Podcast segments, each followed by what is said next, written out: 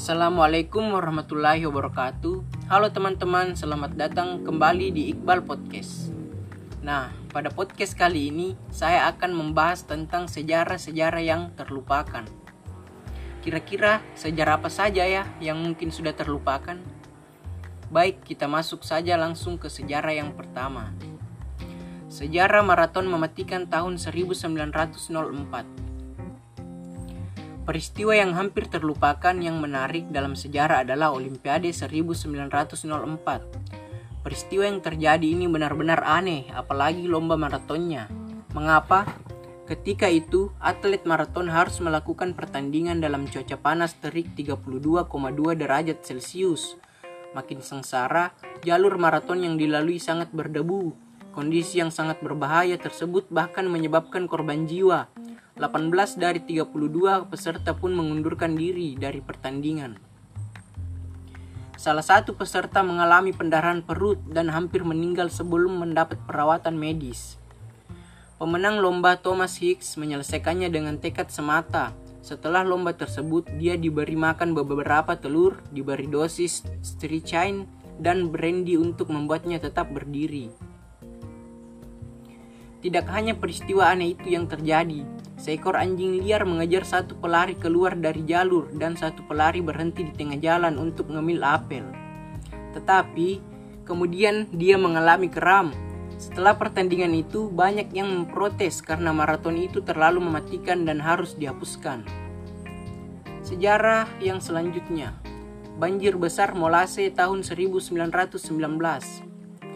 Satu-satunya pengingat tragedi ini adalah pelakat timbul di persimpangan Commercial Street dan Chops Hill, Terrace, di North End Industry Boston.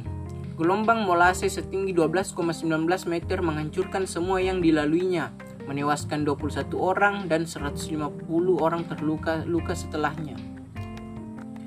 The Boston Post menggambarkan bahwa bau sirup coklat dan darah bertahan selama berbulan-bulan setelahnya. Apa yang sebenarnya terjadi? Selama tahun 1910-an, jutaan galon molase sedang dikirim ke pelabuhan Boston oleh sebuah perusahaan bernama Amerika Serikat Industri Alkohol atau USIA. Setelah dimulainya Perang Dunia I di Eropa, ada permintaan yang tinggi untuk molase.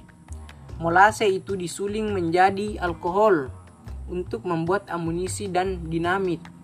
Usia sedang buru-buru mengubah barang leng lengket manis tersebut menjadi alkohol sebelum ada larangan.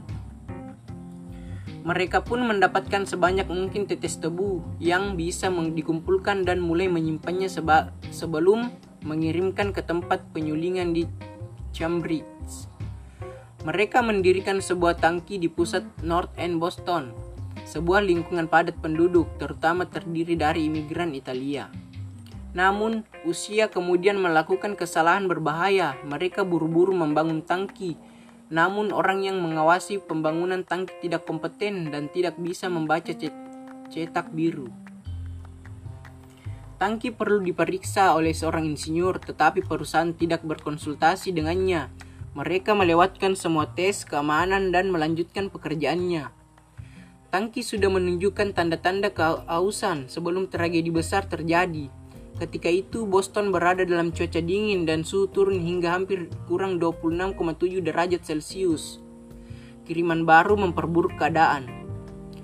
2,3 juta galon molase datang dari Puerto Rico, lalu molase yang agak hangat dituangkan ke dalam tangki yang sudah penuh. Kombinasi panas dan dingin mempercepat proses fermentasi. Pada 15 Januari, tangki akhirnya meledak karena tekanan gas. Kekuatan itu merusak dan mematikan Molase menyembur keluar dengan kecepatan 56,33 km per jam dan kekuatan itu menghancurkan semua yang ada di jalurnya. Sirup manis buah bukan satu-satunya aspek yang mematikan karena tangki meledak, tapi juga menembakkan proyektil logam seperti peluru. Menurut penduduk setempat, bau molase masih tercium di udara di North End selama hari-hari yang panas. Sejarah yang selanjutnya yaitu peristiwa Tunguska. Pada tanggal 30 Juni 1908, sebuah ledakan dahsyat mengguncang daratan dekat sungai Podkamenaya, Tunguska di Rusia. Ledakan tersebut merobohkan 80 juta pohon di area seluas 2,150 km dan menewaskan 33 orang. Ledakan tersebut disebabkan oleh ledakan meteorit. Untungnya tidak menabrak permukaan bumi dan hancur di ketinggian 5-10 km. Jika itu mengenai permukaan bumi, akibatnya akan mematikan. Diperkirakan bahwa gelombang kejut dan tumbuh, tumbukan mencapai 5,0 skala Richter dan memiliki jangkauan energi 3-30 megaton TNT yang cukup menghancurkan kota metropolitan. Seorang saksi mata melaporkan bahwa langit terbelah menjadi dua dan api tinggi dan lebar di atas hutan, sementara yang lain melaporkan sepertinya matahari jatuh ke bumi. Gelombang kejut ledakan itu begitu kuatnya sampai memecahkan jendela ratusan kilometer jauhnya dan menjatuhkan orang di tanah.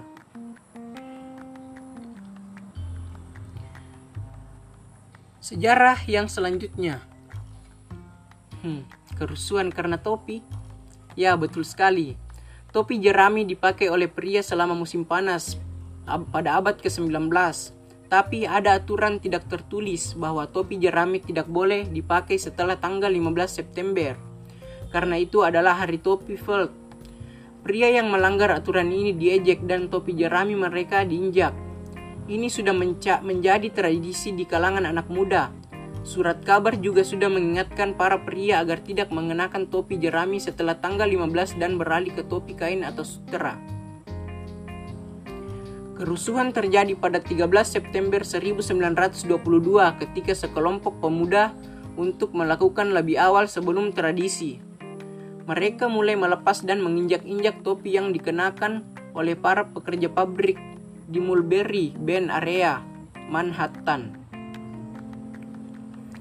Para pekerja melawan dan ini berubah menjadi tawuran hingga malam berikutnya terjadilah gerombolan yang terdiri dari hampir seribu orang merampas topi dari para pejalan kaki dan memukuli mereka jika melawan.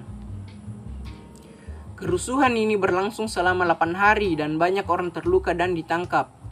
Tradisi menghancurkan topi jerami terus berlanjut setelah tahun 1922, tetapi lebih kejam Seorang pria terbunuh karena memakainya pada tahun 1924.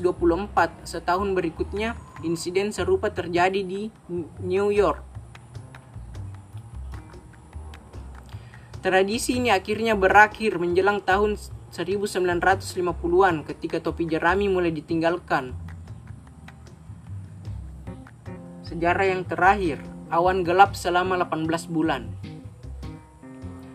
Yang, yang terlupakan dalam sejarah adalah era kegelapan tahun 536 Masehi, tahun terburuk bagi yang masih hidup.